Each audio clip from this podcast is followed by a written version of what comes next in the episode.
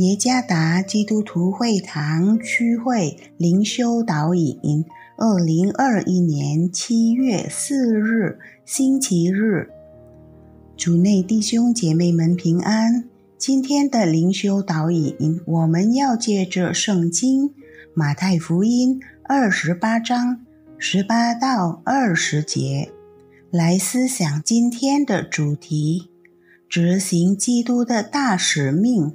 作者陈诚贵牧师。马太福音二十八章十八到二十节，耶稣近前来对他们说。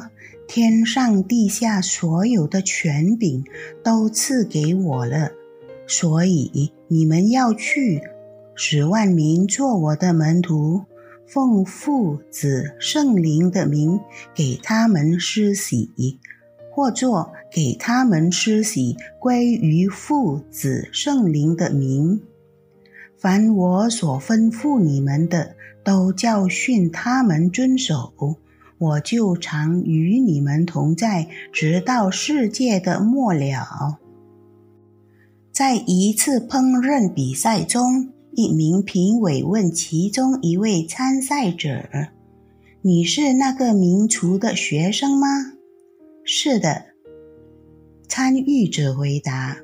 “我是这么认为的，因为从你烹饪的方式来看。”我觉得我在看着他做菜，这是一张学生对老师深度认识的写照。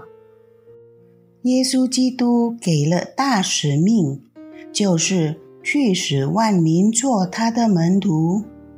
一个已成为他门徒的人，认真向他学习，认识他。那他就一定能执行神的大使命，因为我们将根据我们所学到的来实行大使命，按照神话语的真理来做。我们越来越认识神，圣灵赐予我们权柄去教导、训练别人成为门徒，遵守神话语的真理。使他们的生活经历基督般的转化。基督大使命的重点是实践上帝话语的每一个真理，不只是知道、学习、思考，并且要去做和服从。我们每个真正学习并认识基督的人，都会渴望教导他人成为门徒。但在此之前，我们需要先建立自己的门徒训练。